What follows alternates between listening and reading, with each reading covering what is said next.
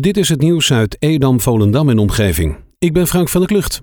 In de eerste week van maart kapt de gemeente in Volendam een ers op de hoek van de Mercuriuslaan met de Neptunusstraat. De boom staat bovenop een leiding van de riolering. In verband met werkzaamheden aan de riolering moeten ze de boom helaas kappen. Ze planten weer een nieuwe boom voor terug. De exacte locatie en de boomsoort wordt bepaald zodra de werkzaamheden aan het riool zijn afgerond. In alle delen van het land was vorig jaar sprake van een economische krimp ten opzichte van 2019. In de gemeente Edam-Volendam bedroeg die krimp 3% In andere delen van Noord-Holland en Groningen vielen de hardste klap als gevolg van de coronacrisis. Dat blijkt uit cijfers van het CBS. Het Statistiekbureau maakte vorige week bekend dat het economische krimpcijfer landelijk uitkwam op min 3,8% Deze achteruitgang is iets sterker dan de krimp in 2009 na de kredietcrisis. FC Volendam leek enkele minuten voor het einde van de wedstrijd tegen Jong Ajax genoegen te moeten nemen met de nederlaag. Door een knotsgekke slotfase waarin Moulatieri en El Azouzi scoorden, bleven de punten toch in Volendam 3-2. Door de zegen staat FC Volendam steviger op de achtste plaats en is de voorsprong op concurrent Telstar vergroot tot zes punten. De ploeg van Wim Jong staat nu één punt achter Rode JC, maar heeft een wedstrijd minder gespeeld. Jong Ajax staat op de elfde plaats. Mark Ortega is de nieuwe trainer van de handballers van Volendam. Hij tekent een contract voor 2,5 jaar. De vrouwenselectie van Volendam moet hierdoor op zoek naar een nieuwe trainer, want Ortega was dit seizoen van dat team de trainer. De Amerikaanse Ortega stond gisteravond al voor het eerst voor de groep. De handballers van Volendam bereiden zich voor op de eerste thuiswedstrijd in de handbal NL League Hurry Up uit Zwarte Meer. Die wedstrijd staat gepland op 7 maart in Sporthal Opperdam. Vandaag en morgen zijn er bestratingswerkzaamheden in de Sint-Josefstraat in Volendam. Deze werkzaamheden vinden plaats tussen het parkeerterrein Jozef en de Meerzijde.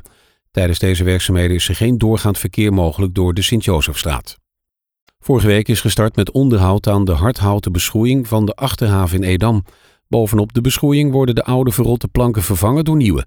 Om ervoor te zorgen dat de werklieden die het werk uitvoeren goed bij de walkant kunnen komen, ligt op het water van de Achterhaven een grote ponton. Alleen de bovenste planken van de beschroeiingen worden met deze renovatieklus vernieuwd. Een omwonende vroeg zich af waarom niet meteen de gehele beschroeiing vernieuwd wordt. De palen en planken die onder en net boven het water zitten zijn namelijk ook grotendeels verrot.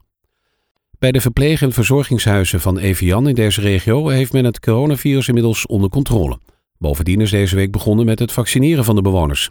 In de zes van de vijftien woonzorglocaties van Evian waren een week geleden nog besmettingen bij in totaal 18 bewoners. Een week later zijn er nog maar vier besmettingen in drie locaties. Positief is verder dat het aantal herstelde bewoners is gestegen en dat er geen nieuwe sterfgevallen waren. Evian is maandag begonnen met vaccineren.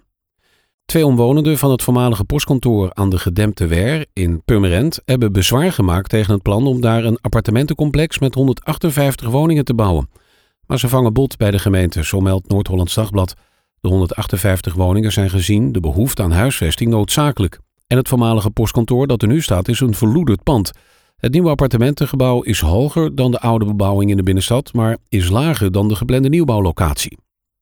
Edam-Volendam is een van de zeven steden die deelneemt aan het programma Age-Friendly Culture Cities van het Fonds voor Cultuurparticipatie. Op 2 maart organiseert CBW Edam-Volendam in samenwerking met de gemeente in dit kader een online presentatie van het project. Een jury onder leiding van Hedy Docona beoordeelt hoe de gemeente zich als Age-Friendly Cultural City heeft ontwikkeld. In het voorjaar van 2021 weten we of Edam-Volendam zich winnaar mag noemen en een prijs kan krijgen ter waarde van 20.000 euro.